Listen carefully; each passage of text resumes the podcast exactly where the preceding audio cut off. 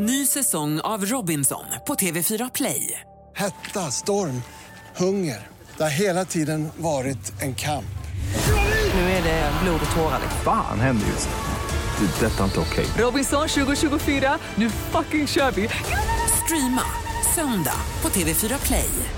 Vi kan väl börja med att välkomna Anders Fridén till Rockklassikerstudion då. Tack, vad skönt att få dyka upp här på sin semester. Eller hur? uppskattar Det är det, uppskattar det verkligen. Ska sägas att det inte är jag som har tvingat hit dig. Nej, men jag Du tänkte... vill egentligen inte vara här heller. Nej, jag hade också gärna haft semester. Uh, fast jag ska inte klaga. Jag kan säga att faktiskt hade kunnat göra det på länk. Fast det påminner för mycket om pandemin, då får jag bara Ja, ångest. jo, men det är sant. Mm. Ja, det är sant, det är sant. Nej, men jag tänkte att vi skulle börja någonstans med vart du eh, föddes och växte upp i Bildal söder om Göteborg. Och visst är det precis vid Hallandsgränsen där också Ja, nästan? det är supernära. Så Ja. Busshållplatsen efter, det är där gränsen går. Hur var det att växa upp där då? Eh, det var väldigt tryggt och väldigt bra. Eh, det var helt, området var helt nytt när jag byggdes, så det var, kom in mycket barnfamiljer. Så man fick snabbt massa polare runt i trakten där och det var jättenära eh, havet. Mm. Så det tog fem minuter att gå ner, ja, knappt ner till vattnet och sådär. Så att, eh, det var otroligt tryggt och bra. Är det så här fina stränder där nere också? Eller ser det, där? ja, ja, det är mycket klippor och så mindre stränder och sådär. Men Okej. närheten till båtar och ja, men närheten till hav överhuvudtaget. Liksom. Ja. Så, så mycket tid som har spenderats. Var det någonting du var intresserad av? Alltså fiske, båtar och sånt? Ja, segling har ju varit sedan tidigt. Um, sen jag var ja, en toddler liksom, så har vi varit ute och vi seglar varje sommar. Liksom, så Ja. flera, flera månader. Så här när jag tänker på det i efterhand så både jag, jag har en yngre bror som är några år yngre. Eh, vad heter det? Och att morsan och farsan kunde ha oss på en liten segelbåt som var sex meter då när vi var små, det jag kan inte förstå. Liksom. Det var så här, konservburkar i så här kölsvin och en så liten sån här eh, gasolspis liksom. Eh, och ja, det var fan helt galet, men, men det funkar. Mm. Och jag är otroligt glad för att jag fick uppleva det. Det var ju fantastiska somrar. Ja. Sen kanske det inte var lika kul när man var så här 13, liksom, 15. Alltid liksom så. Men, men hur var skolan för er? Jag vet att du ville bli arkitekt, det har du Ja, fast tidigare. då men- jag, då ville jag nog, då ville man väl bli så här brandman eller polis, eller Ja. som alla, de flesta grabbar ville då. Ja. eller fotbollsproffs liksom. Det var typ det. Eh, nej men skolan var bra, det var ju jättenära också. Och Ja. sådär, så att, haft samma klass sen jag gick från, ja, vi delades väl upp då från dagis till första klass och sen så jag gick i samma klass, ettan till nian.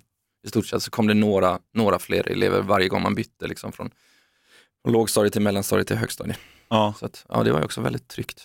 Har du några vänner kvar som du, som du gick i samma klass med så långt tillbaka? Så? Eh, alltså, Anders Girarp som spelade trummor förut i, i Dark Tranquility, han eh, gick, vi gick på dagis, sen har vi gått eh, liksom, parallellklasser och sådär och sen så ja, spelat fotboll och sånt där ihop. Så, ja visst har vi det. Och sen har jag ju andra kompisar från, från det området, liksom så. så men träffas man inte så jävla ofta Mm. längre.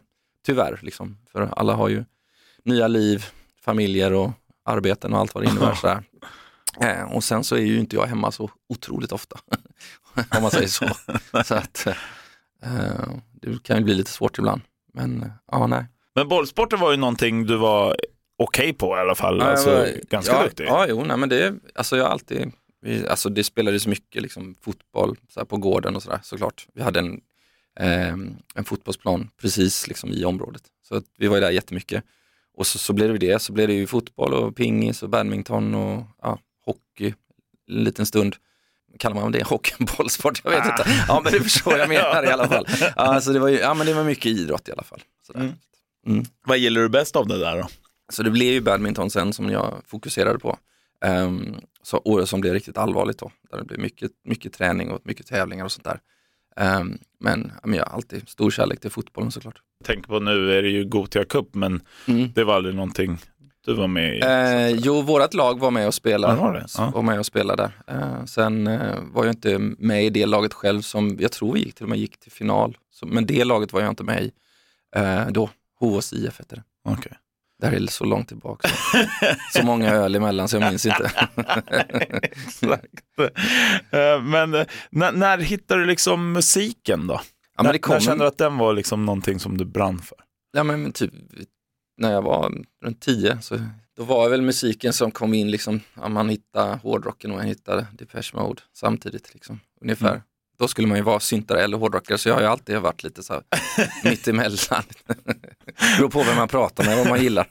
Då var det Sverige, den lite, fegis, lite fegis. Ja, verkligen, verkligen. Och sen, och sen så blev det ju mer och mer viktigt, jag menar med alla kompisarna som bodde runt omkring och man snackade musik och, och sen när man kom upp i åldern att man fick gå och kolla på konserter och, och sådär. Och åka in till stan och köpa, liksom, köpa egna vinyler. Mm. Och sen var det mycket tape trading och, och man kopierade band och, och sånt där också. Jag, jag Eh. tänkte fråga om, för det var ju hur stort som helst där och sånt. Mm. Höll du på med det? För man kunde ju skicka det utomlands också som man tradade Ja, med men folk vi, via det var ett gäng som gjorde, vi gjorde det och fick liksom så här metal up your ass med Metallica, så tio, tio, tionde kopian så det liksom svajar sådär skönt och man bara, jag tror att det här är bra. Ja. jag hör det någonstans bakom bruset, där är grymt. och så höll man på så, men det var ju ett sätt och det var ju helt fantastiskt och ett sätt att få, få komma åt musik som inte spelades, liksom, ja inte på radio eller någon annanstans heller. Så äh, det var ju jäkligt coolt. Ja. Ehm, och, ja, men, och särskilt när det börjar, liksom, det blev mer allvar med alltså, så här, thrash metal och, och speed metal och death metal och hela sådana grejer. För då fanns det ju någonting som inte vi kunde få tag i i Sverige. Nej. Däremot om någon satt i utlandet, liksom, om du var i Sydamerika eller i Europa eller i USA eller i, ja, vad det nu är.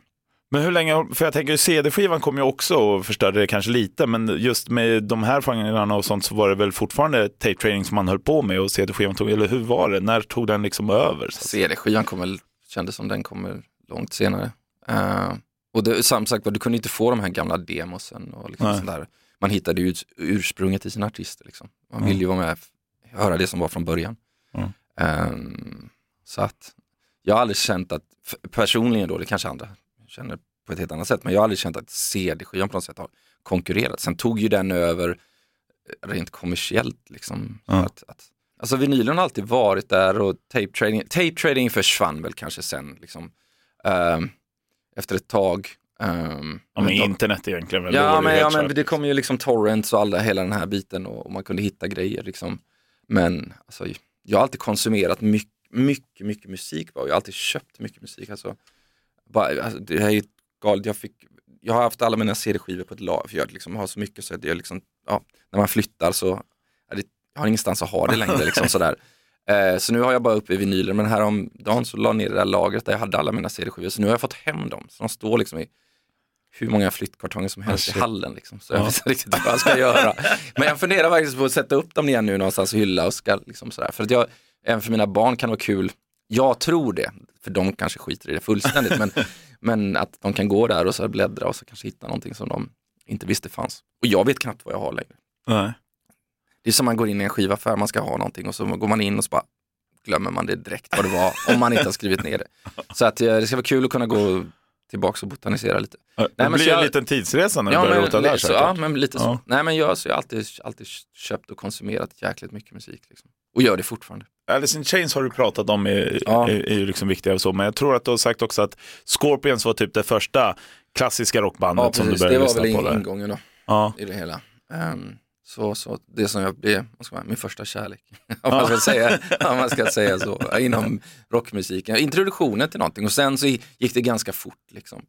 Plus, att, eh, jag vet inte om du min, alltså vi, tidningen Okej hade vi ju och Ja. de hade ju mycket, det var ju mycket reportage och sånt där från hårdrock eh, eh, spelningar och man såg liksom bilder på Kiss och Iron Maiden och allt sånt där och man bara wow, det var ju så stort och häftigt och liksom ehm, sådär och då klart man blir, blir man ju nyfiken. Plus Ja. att det var en del grabbar i området som, som var lite äldre som drog omkring liksom med så här boombox, faktiskt boombox, um, vilket är helt fantastiskt. Och så, så här Iron Maiden patchar på ryggen och liksom man såg där bara, fan det där är lite, lite, man tittar på avstånd och tyckte det var lite tufft, men Ja. lite läskigt.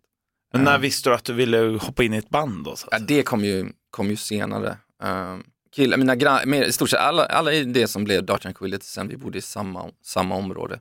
Så, och det var vi som, vi umgicks och lyssnade på musik och, och liksom upptäckte musik tillsammans och det var tape training här liksom, och, och, och man åkte in till stan som sagt. Och, så här. och sen vill man ju vara en del av den här scenen Mm. någonstans också, delta i det här man lyssnade på. Och då bestämde vi oss någonstans att, ja men fan vi ska köra, vi ska göra ett, vi ska göra ett band. Och jag tror vi, det var lite innan sommaren, ja, vi ska göra någon sån här grej och sen åkte jag iväg på de här mina semestrar med mina föräldrar och åkte ut och seglade, åkte med ut med andra polare och seglade, jag kommer inte exakt ihåg hur det var. Ehm, och sen när jag kom tillbaka så hade de redan bildat det här bandet. Och man bara, "V- förlåt? Va? men, jag, men jag då? Typ. Ja. Och, och men så hängde jag, så, eftersom jag var ju polare och än- ändå, så då hängde jag med till första repet och så dök aldrig han som var, skulle sjunga upp. Ja. Och då sa jag, ja men det kan jag göra. För det var ju min enda in liksom, för att vara Ja. med i det här bandet. Och sen så, För instrument och sånt höll du aldrig på med eller hur var det? eh, nej, jo jag spelade ju trummor och sånt där Mm. när jag eh, gick i, vad var det, mellanstadiet och så gick jag och tog eh, hade trumset hemma, vilket är ett fantastiskt. Mina föräldrar lät mig ha trumset i vårt radhus. Liksom. Men jag antar att jag var på någon form av, du får spela mellan de här tiderna. Jag minns inte riktigt vad, men det var, jag menar, akustiska trummor låter ju ganska mycket. Ja. Liksom. Eh, så det gjorde jag. Och sen, ehm, men, men, men trummis, trum, den positionen var ju redan upptagen då. Så att det var bara att hoppa in som sångare. Ja. Då var du 16 runt där eller? Ja, någonstans där. Ja, 16-17 kanske. Men jag tyckte det var så intressant också, man fick ju se det bland annat i den här filmen Hårdrock på export. Eh, och som du säger, många studenter, där busslinje 783 var det Ja, precis. 83ans buss. i Billdal, Göteborg, där man egentligen mer eller mindre plockade upp eh, ja, medlemmar från några av Sveriges allra största metalmusiker. Liksom. Eh, det låter ju nästan för bra för att vara sant, alltså, Ja. det är ju så kul. Ja, men det är ganska lustigt eh, egentligen hur det var. Utan det började där ute vid då Snipen som var det, det var den första in mot stan så att säga. Och det var där gränsen mot Halland gick som vi pratade om förut. Och det där plockar man liksom upp. Det, det börjar där och sen fortsätter det en bit in. Eh, och att hela den här genren mer eller mindre, ja det är, ja, det är helt knäppt när man tänker på det. För det, för det var liksom en jävligt, det var ju en trygg och skön miljö liksom. Och vi ändå var, vi stack ut ganska mycket och vi som ville spela den här typen av musik då. Ja. Eh, men ja, så är det. men det blir väl så att man lär känna folk och har den personen i det här området diggar det här. Och men då ser man till att mötas och så byter man idéer och influenser och sådär. Och så håller vi på sådär. Ja. Men kunde det, skedde det på, jag ser framför mig också en så här stökig buss nu med någon som sitter och trummar på någon, någon sån här eh, nej, trumpadda och Nej, det tror jag Nej. inte. Alltså, jag tror hårdrockarna var hyfsat introverta, om man ska säga så. Det var inte de stökigaste typerna så. Nej. Eh, så nej, så var det inte. Utan man träffades väl på spelningar eller i plugget. Liksom. Och så snackar man musik. Man ser, ser fort och lär känna liksom, människor, man dras till varandra liksom, om man har samma musikintressen och sådär. Mm. Så det var ganska lätt att upptäcka. Men sen under en, ja, inte riktigt i samma veva, men det blev ju ceremonial oath för dig. Ja, det var efter när jag lämnade DT då, så blev det kort sejour i Ceremonial Oath. Ja. Och sen så blev det då In Flames efter det. Ja. Men tanken var att du skulle köra båda först, var det inte så? Ja, jo, jag, det var väl tanken. Jag, Jesper som Jesper Strömblad alltså, lärde jag känna i Ceremonial Off, Eller jag visste ju om honom sen, sen tidigare också, men just i Ceremonial Off, det var då vi blev vänner och eh, så det han som frågade mig om jag ville vara med i In Flames och testa sjunga för dem.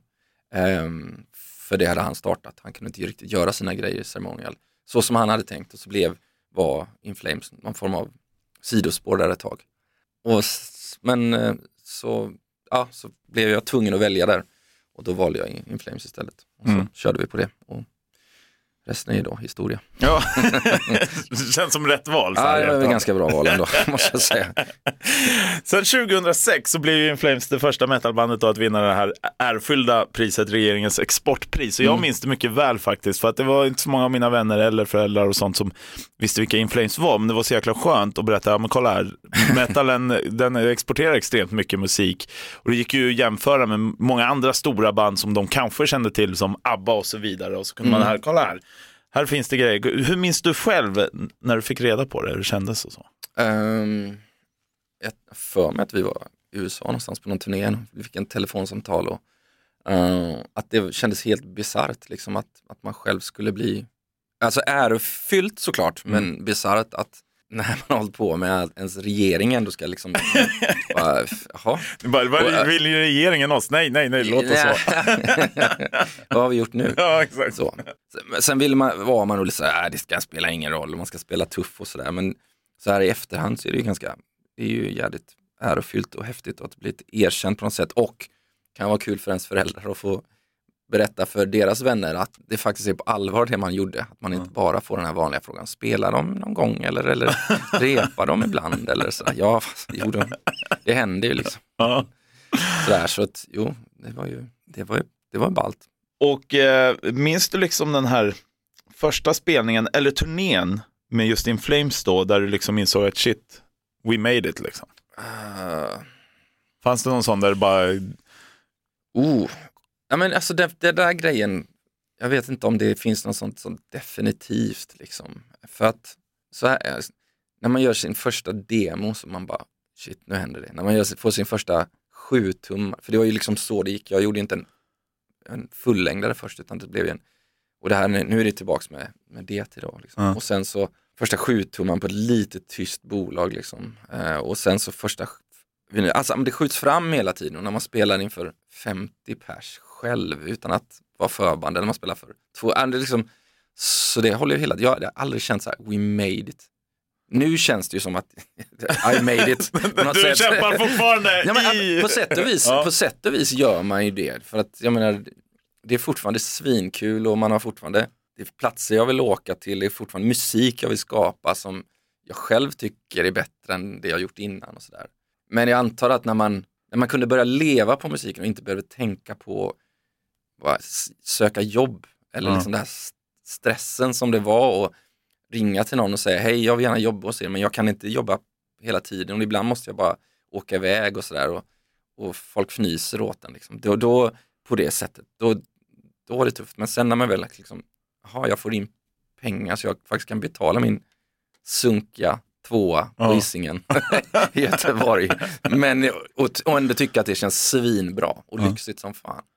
Då är det väl kanske då man känner att nu är det, nu, nu har jag valt rätt och nu made it så att säga. Ja. Men, men Men, Nej, jag, letar jag har fortfarande en jävla hunger, liksom fortfarande efter de här kickarna och jag får gå fortfarande och definitivt efter pandemin så här att man inte känner att man tar något för givet längre utan man vet att det här kan ta slut när som helst. Så Ja.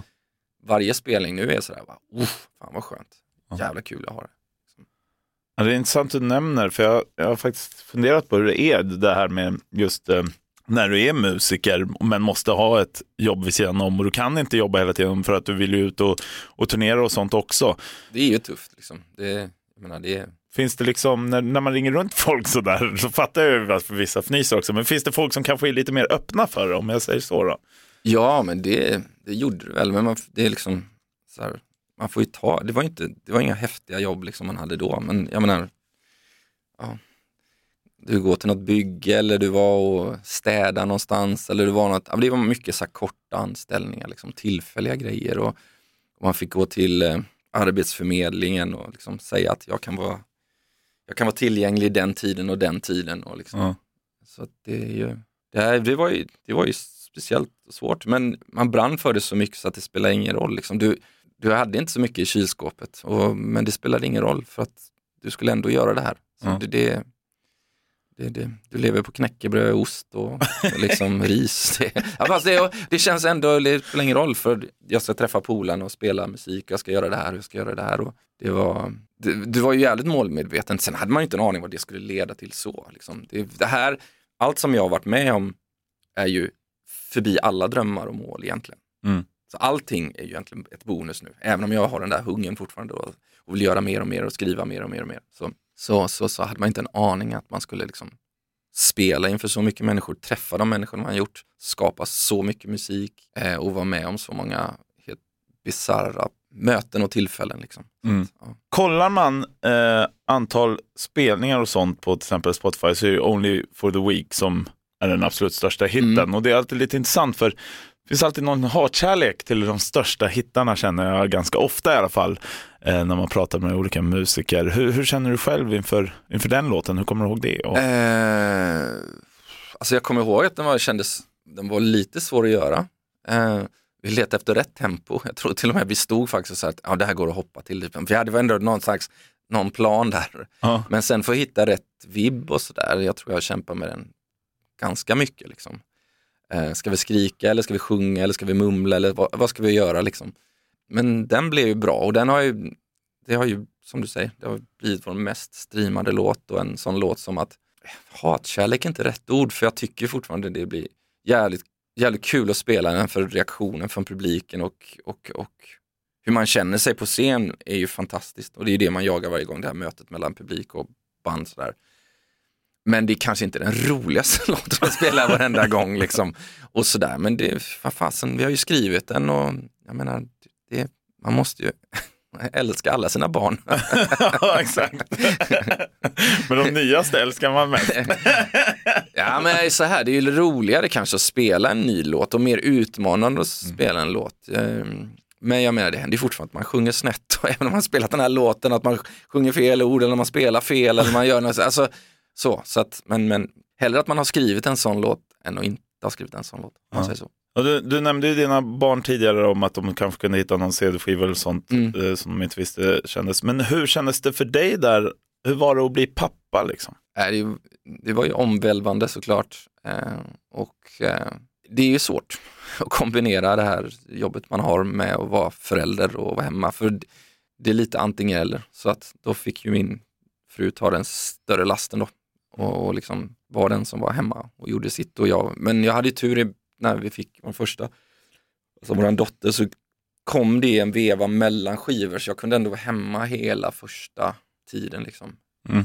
Men med min son så var det, fick jag dra ganska fort och sådär. Så det var ju, det var ju tufft. När jag kom hem från en turné så då var han liksom en, helt, från att vara en infant till en, en människa på något sätt. Det var jävligt häftigt att se. Så att, Mm.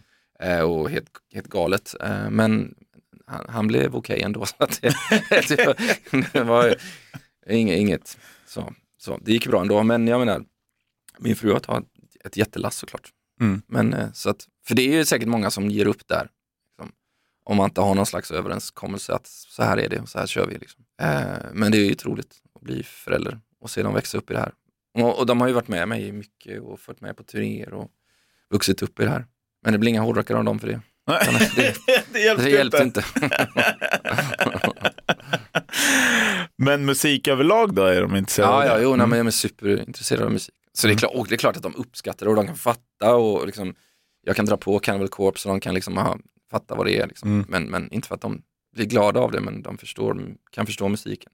Eh, så de går på mycket konserter och har stort, och köper vinyler själva och, och, och sådär. Så det är kul att se i alla fall. Mm.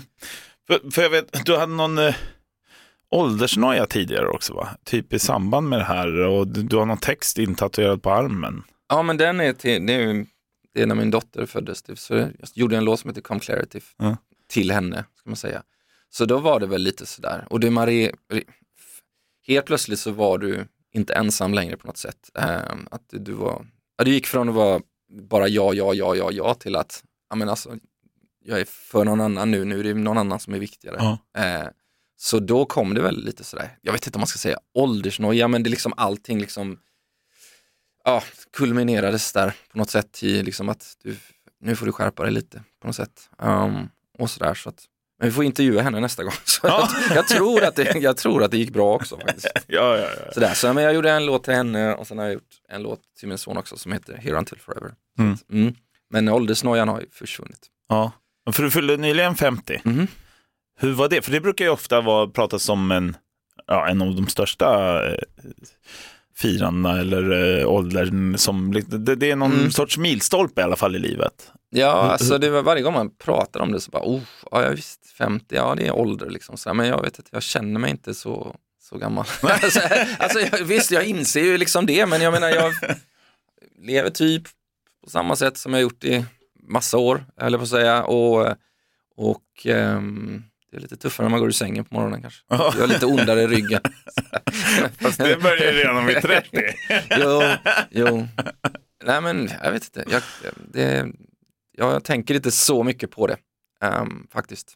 Nej. Utan bara ta det dag för dag. Försöker leva i nuet och liksom bara köra på så länge man orkar och tycker att det är kul och, och sådär. Så nej, den nojan har försvunnit helt faktiskt. Fan skönt, då kanske den försvinner för mig också då med Ja, det, det kommer. Ja. Det kommer. Farsan älskade att jävlas med sina polare när de fyllde 50. Han sa nu har du närmare till 100 än till noll.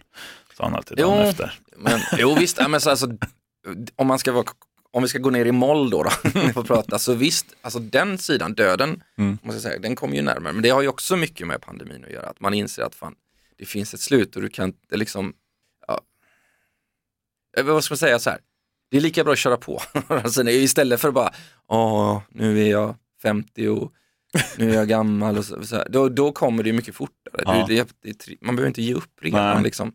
Försvinner livsglädjen Liksom- så, så, så går det ju snabbt. Ja, jag, du har ju Dio-omslaget där i bakgrunden och lite sådana. Och han var ju också så, man känns som man kör in i kaklet liksom på något Mm. sätt och bara, du vet, och Bowie och liksom, ja, Kiss. de, ja, men liksom, alla de här, liksom, det, är, det är bara att köra på liksom, och leva och, och ska skapa så, så länge det går och inte tänka så mycket på, liksom, tänk inte på åldern. Det är, inte så, det är inte så jävla jävla viktigt. Eh, För mig, men- det är lätt att säga kanske. Men men hade du ett firande då? Det har blivit lite firande, lite omgångar. Vi var i Australien dagen jag fyllde 50, så då blev jag lite firad av vännerna och um, i bandet och crewet och sådär. Eh, och sen har det blivit lite när jag kommit hem och lite sådär. Men det har inte blivit någon liksom, vända upp och ner på världen-fest. Liksom. Och det är ganska okej. Jag är inte så jättemycket för, för det där då. Det är kul att bli firad, men ja. Tror det eller ej, jag gillar inte att stå i centrum. Men eh, vad tänkte jag på? Jo, jag såg ju en askul om vi ska sn- snacka lite, ja vi är ju inne på nya grejer, men samarbete med Iron Maiden här nu, ett spel Ja, med. Jesterhead och Eddie. Ja. Mycket mer har jag inte förstått, men vad är, vad är det? Nej men de har ju ett, eh, ett, ett spel då, så har de olika karaktärer. Jag tror det har varit p- Five Finger Death Punch har någon figur, uh, Anthrax har någon figur, uh, jag vet inte fan vilka det är som mer, ja men vissa har ju maskotar och vi har ju våran Ja. Jesterhead. Uh, och sen så fick vi frågan om vi vill vara med i den här och det är ju skitkul, um, tycker jag. Så då har karaktären fått, fått liv liksom och hoppar in i den här och är, är någon slags eh, semigud som eh, slaktar tillsammans med deras karaktär Eddie då. Ja. Nej, men det är helt bananas när man tänker på det. Liksom. Om, man, om man tänker då på sitt 15-åriga jag och sitt, sitt titta på liksom Iron Maiden-omslagen och såg Eddie. För det var ju en stor inspiration till att vi skapade den här Jester Head då. Eh, att jag vill också ha en, en slags en ikon, eh, en slags logga som inte, där det inte stod namnet In Flames. För såg man, såg man Eddie så visste man att man snackade om Iron Maiden och Mm. jag ville ha samma sak och någonting som folk kanske liksom tatuerar in eller liksom sådär. Och man kände att man var med i klubben på något sätt. Och att nu har den har fått liksom ett eget liv och hamnat i ett spel är ju helt ja, det är Ja. ga- galet när man tänker på det. Men hur mycket var ni med i det då? Själva, alltså, Nej, alltså, de, de har ju ett företag som har skapat det, men våran kille som eh, Blake som har hand om, som gör omslagen och sådär, var ju involverad och hjälpte till och, liksom, och, och, och ska, hjälpte till dem med liksom, information och sen har han tagit inspiration från, från texter och, och sånt där. Ja. Så att, visst. Men eh, knacka kod kan jag inte. nej. Lä, det lämnar jag åt andra. ja, men eh, tv-spel har alltid varit ett stort intresse för mig också. Och Mm. Ett annat stort intresse som, eh, som vi delar, men som speciellt du har då, det, det är ju whisky. Mhm. Eh, hur, när startade det? Ja, det är ju någonstans Smög det sig Mitt- på liksom? Ja, eller kom det, ja, liksom? så ärligt talat tyckte jag det var ganska äckligt från början. Som, sådär, man bara, "Ugh, det smakar ju sådär konstigt. Mm. Eh, men någon gång på mitten på 90-talet, så jag praktiserade i en studio som heter Studio Fredman i Göteborg, som är extremt viktig för hela Göteborgsscenen för övrigt. Eh, och där eh, Fredrik Nordström, som ägde studion, har stor del i många bands framgång. Jätte, jätteviktig. Så där tjatade jag mig in och fick eh, ehm, göra praktik och många gånger efter liksom sessions, när vi hade matat dödsmetall i antal timmar så gick han och jag ut och drack lite bärs och sådär. Och, då fick jag testa eh, på en bar en, en blended malt som jag tyckte var jävligt god. Eh, som ett- hette Clan Campbell tror jag om jag inte minns fel. Eh, och varför det blev just den det vet jag inte men det var bartendern som bara, Mm. mm. testa det här. Och sen i samma bar sa han, ja, men om du gillar den här så ska du testa Glenmorangie. Det här. Så fick jag en tioårig Glenmorangie att testa och då var det som bara, oj, det här var något helt annat. Och då, som jag är, så vill jag lära mig allting liksom, om det. Och eh, så började jag bara kolla upp liksom, ja, destillerier, var saker och ting kommer ifrån och började testa mer och mer och mer och sådär. Och sen så min lillebrorsa gav mig på min födelsedag, jag kommer inte ihåg hur gammal jag var, men eh, en 18-årig eh, Glenmorangie och det var verkligen så här, det här är det bästa jag någonsin har druckit. Liksom. Ja.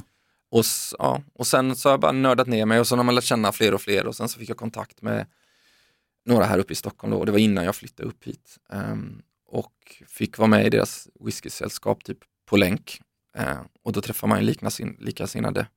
Och sen när jag kom upp hit, nu har jag bott här i det, 17 år, så hade vi träffar där vi träffades och så spelade vi musik och så drack vi whisky och så började vi åka på resor och sånt där och så blev det mer nörderi bara liksom. Så Ja. jag har verkligen varit, ja men velat lära mig allting som har med det att göra. Så då vi, var mycket resor till Skottland och sådär och hälsa på mycket destillerier och sådär. Liksom. Vilken är den häftigaste upplevelsen hittills då? Som varit ja, det måste vara just det? jag och min gode vän David ehm, som åkte till Glenn Farclas, bara han och jag. Och så var vi inne i deras lagerhus och fick liksom mer eller mindre nycklarna till lagerhuset. Vi hade ju bara killen som tog hand om lagret och vi fick öppna precis vad som helst. Aha. Då testade vi massa, massa olika gamla grejer som liksom inte man kommer åt normalt. Så vi gick in och flög ut kan man säga. och sen hade vi... eh, Gick ni någonsin därifrån? ja, vi- var tvungna till slut. Så här, men, men, ehm, och sen hade vi middag med, med ägaren eh, och eh, då var jag superfräck och sa, berätta hur stort intresse jag hade och sådär. Sa, det skulle vara kul någon gång att kunna göra en whisky med er. Mm. Bla. Och sen så gick det några veckor och sen hörde de av sig och sa, ja men vi kan göra en. Och då gjorde vi en Glenn Farclas 73. Mm. Vilket, ja men det är det coolaste liksom, som jag har varit, varit med om då i whiskyvärlden. Sen har jag haft ett fantastiskt samarbete med High Coast. Eh, och jag är så jävla glad att jag får komma upp till deras eh, destilleri och gå in i deras lager och peka på fat och så plockar de ner och så gör vi olika blandningar och så har vi släppt dem nu i, är det, fem, fem olika tror jag. Så det är Mm. också skithäftig upplevelse. är det något mer som ligger i pipelinen nu när det gäller? Alltså jag vill göra massor, jag, Ja, jag vill sluta in flames. Jag vill sluta in flames och bara göra whisky. Nej, nej, nej det, eh, det var inget scoop. Så, nej men, eh, ja jag vill göra mer grejer, sen får vi se, jag menar, det är vad, vad som händer. Mm. Men, men, men visst, Det finns mer där. Det, finns Ja, ju, ja, ja, det är ju en ja. hel enorm värld också. Ja, så visst. att, visst, definitivt. Men som du sa, eh, bott i Stockholm nu 17 år, sa du Mm, det? Eh, det är inte så vanligt att man får hit göteborgare känner jag. Men, Nej, de flesta som jag känner vill stanna utanför. men, men eh, hur kom det sig då? Är det ju, är ju frun som är härifrån. Mm. Det var hon som fick välja då när vår dotter var två år. Och hon skulle börja i, på dagis och lite sådär. Och så min fru ville tillbaks och jag kände att jag inte har något att säga till om eftersom jag är ute och turnerar. Så Ja. då fick hon välja och då flyttade vi upp hit. Och sådär, innan vi rotar dottern då i, i, i Göteborg. Ja. Och behöver dra upp henne därifrån med ja, det som kommer bli vänner och skolor och dagis och allt vad det innebär. Eh, så då, då bara, ja ja, vi sticker väl då. Så Ja. ble, blev det så. Jag var nog inte, jag hade inga planer på, på att lämna Göteborg.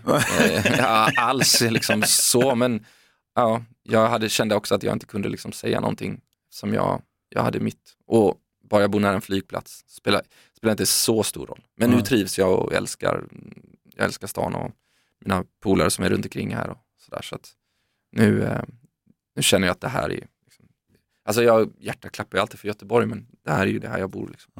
Men, men dottern snackar alltså stockholmska dialekten då? eller? Ja fast hon känner nog lite, hon vet ju om att hon är född i Göteborg och Ja. hon gillar Göteborg väldigt mycket. Sonen är väl lite mer stockholmsk om man säger så. Men, Ja. mm. Eh, det är ju snart dags för eh, Dalhalla brinner. Mm. Men jag tänkte om vi kollar på eh, för grejen där var ju Borgholm brinner Ja, just det. 2018-2019. Ja. Och det vet jag, det, vi pratade väldigt mycket om då också, och hur, och hur nöjd du var. Hur, hur liksom känns det nu när du, hur är det att liksom ha gjort en egen festival? Det är, känns jäkligt mäktigt och kul. Och tanken var att vi skulle lägga det på så här ställen som normalt kanske inte kör festivaler på. Eh, och sådär. Och jag tyckte det här med borgen var superhäftigt. Mm. Eh, och för mitt egna ego för att välja banden. För det är ju, jag väljer vilka band jag vill ha och sen så får man hoppas att de tackar ja såklart. Så det är ju verkligen så att ha sin egna mixtape liksom. Ja. Eh, där man står och diggar från början till slut. Så det är, det är skitkul. Ja. Jävligt kul. Eh, och ändå hålla det ganska familjärt och litet så att det inte liksom växer till något för stort. Så, och Borgen är ju häft, häftig plats. Ja. Eh, och nu Dalhalla som också är en fantastisk plats. Liksom. Men det jag diggade med Borgholm var att man hade närheten till stan och man kunde gå fram och tillbaks och sådär. Det är skithäftigt med bandet, supertufft logistiskt för de som jobbar. Ja. ja, men det måste vara massa fixa med. Men alltså det var planerat att ni skulle köra Borgholm och sen så åka vidare då på någon sorts alltså, Jag skulle, turné vilja, ta- ja, mer. jag skulle vilja ta det här på, på turné. Så det här, jag vet, nu ska jag inte säga sista gången, men som det är därför folk borde passa på att åka dit nu, för det är en jävligt häft, häftig upplevelse. Men jag vet inte om vi kommer, alltså jag skulle vilja ta det till andra platser också eh, och göra det till en grej liksom. Så får vi se var vi, var vi hamnar någonstans. Men eh, ja, och sen komma tillbaks till borgen som, och fira där någon, någon form av jubileum eller något. Ja. Ehm, för som sagt var, det, det, ja, det känns häftigt att spela det. Ända sedan man såg Roxette på ja, exakt. den, den där videon. Ja. Och nu var det inte så länge sedan som Kiss körde sin avslutning just på Dalhalla. ja men liksom. precis, just det. Det var väl typ bara några, Ja. i veckan eller några veckor sedan, eller, när det nu var. Ja, förra veckan. Så, så ja, det var coolt. Jag vet att de hade sett bilder från vårat framträdande Mhm. och i historien jag har hört i alla fall och såg pyron som var där och bara, vi vill ha In Flames pyrokille. Eller de som gjorde In Flames pyro. Aha. Så mm, det känns ju, det känns ju ballt. men, men hur blir det nu här, eh, två dagar som sagt, Mm. med lite olika band också. För förra gången tog ölen slut. Allt tog så? slut. Allt tog slut till och med. Sprit Ja. och öl och allt tog slut. Jag vet inte, det är ju bra Och på ett sätt, men det kanske är dåligt om det tar slut för snabbt. Ja, och ändå var folk superglada och trevliga, inget stök och jag tror, det är ju jävligt branta trappor där, jag tror ingen slog sig heller. Vakterna hade fullt sjå. Det var så jävla roligt för att de, folk ville ju ställa sig upp och vakterna sprang, sätt dig ner, sätt dig ner, men jag visste ju inte om att de, så jag stod och ställ er upp för fan, ställ er upp för fan.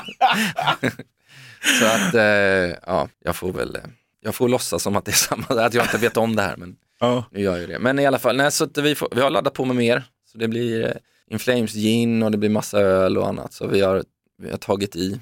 Eh, och det blir som sagt var två kvällar, två unika kvällar, två olika setlistor, eh, massa pyroteknik och eh, svinbra band som spelar. Eh, så det ska, bli, det ska bli jävligt kul faktiskt. Går det att bada där i det där vattnet som är bakom? Det är svinkallt. Men det, men det går. Men det, Det går. går. Det går. Det ser extrebmt inbjudande ut. För det är ja, så här- det gör ju det på bilderna. Det är därför jag bara, jag blått, måste bada men det där. är tokkallt. Aha, okej. ja. Men- För jag är lite som en bastugrej då kanske. Ja, men det blir häftigt. Och senaste eh, plattan, eh, Forgan, har, har vi inte pratat om så mycket nu, men det har vi gjort tidigare. Eh, men jag tänkte prata om det som nyligen släpptes här nu med Nita Strauss, Mm. Golden Trail. Ja. Hur, hur kom det till? En kille som spelar in oss ehm, har spelat in henne också. Och så frågar han mig, eh, känner du till Nita? Ja, jag bara, ja, jag vet vem hon är. Vi har spelat, hon har varit med ehm, Alice Cooper när vi varit ute. Och vi chinsat någon gång sådär. Hon, ja, hon ska släppa en platta, hon undrar om du vill vara med. Jag bara, "Pff, det är klart jag kan vara med. Jag tycker det är svincoolt med en, en cool tjej i den här världen liksom som, som kör sin grej och verkligen är en shredder liksom. Så det, ja men det är klart. Så, men sen hände det inte något på ett tag och så helt plötsligt så, ja men ska du vara med? Jag bara, ja ja men skick- skicka en låt då. Ja. Och, då och jag visste inte riktigt hur mycket hon ville att jag skulle vara med eller vad, vad jag skulle göra om jag skulle bara få liksom, hon har gjort text och melodi och allting. Men då skickade hon bara en låt och sa, gör vad du vill. Och så gjorde jag vad jag ville. Och så skrev jag text, gjorde en melodi, skickade tillbaks den och tydligen tyckte hon att det funkar. Så sa jag, jag försöker göra, för jag fick reda på att, att, att hon gillade In Flames ganska mycket och så försökte jag göra det lite som, ja men typ så som jag skulle tänka mig att hon skulle vilja att det var, Mm. eh, som In Flames lät någon gång. Så ja, så blev det så. Ja. Så det var, det var skitballt eh, samarbete för jag fick en extrem frihet att göra precis vad jag ville. Eh, hon, och hon var jävligt cool.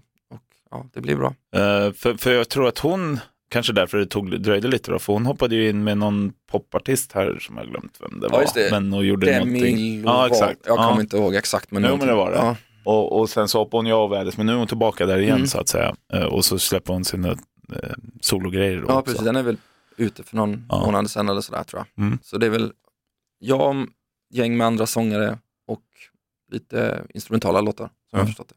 Rent generellt och sånt och med samarbeten och sånt, du, du, det har du gjort förut, men hur, hur brukar det vara? När, Nej, för jag misstänker att det kommer många förslag. Ja, men det kommer väl en del Ja. så här, men jag försöker vara ganska selektiv ändå, så inte man gör för mycket liksom. För det tycker jag typ vattnar ur någonstans, plus att jag måste ha tid och eh, och vilja göra det. Kommer det någonting som är så här, nja, då liksom, det, det, det, är ingen, det är inte schysst mot bandet i fråga eller artisten i fråga. Och jag må, ska ju göra så jävla bra jobb jag kan för deras verk eh, och inte bara göra något havsverk. Så att jag, jag, säger inte ja så ofta. Nej. Om det inte är något som är, ja, men känns helt rätt. Liksom. Ja men grymt. Du, tack så jättemycket för att du kom hit Anders. Tack så du. Tack så Ser fram emot Dalhalla brinner. Det kommer att bli grymt. Får vi se om någon badar också. Alla får bada, eh, ska jag väl inte. Ni, ni förstår vad jag menar. Ja men tack så jättemycket. Tack, tack. Poddtips från Podplay. I podden Något Kaiko garanterar östgötarna Brutti och jag, Davva, dig en stor dos skratt. Där följer jag pladask för köttätandet igen. Man är lite som en jävla vampyr. Man har fått lite blodsmak och då måste man ha mer. Udda spaningar, fängslande anekdoter och en och annan arg rant. Jag måste ha mitt kaffe på morgonen för annars är jag ingen trevlig människa. Då är du ingen trevlig människa, punkt. Något Kaiko, hör du på Podplay. Därför är gardinerna.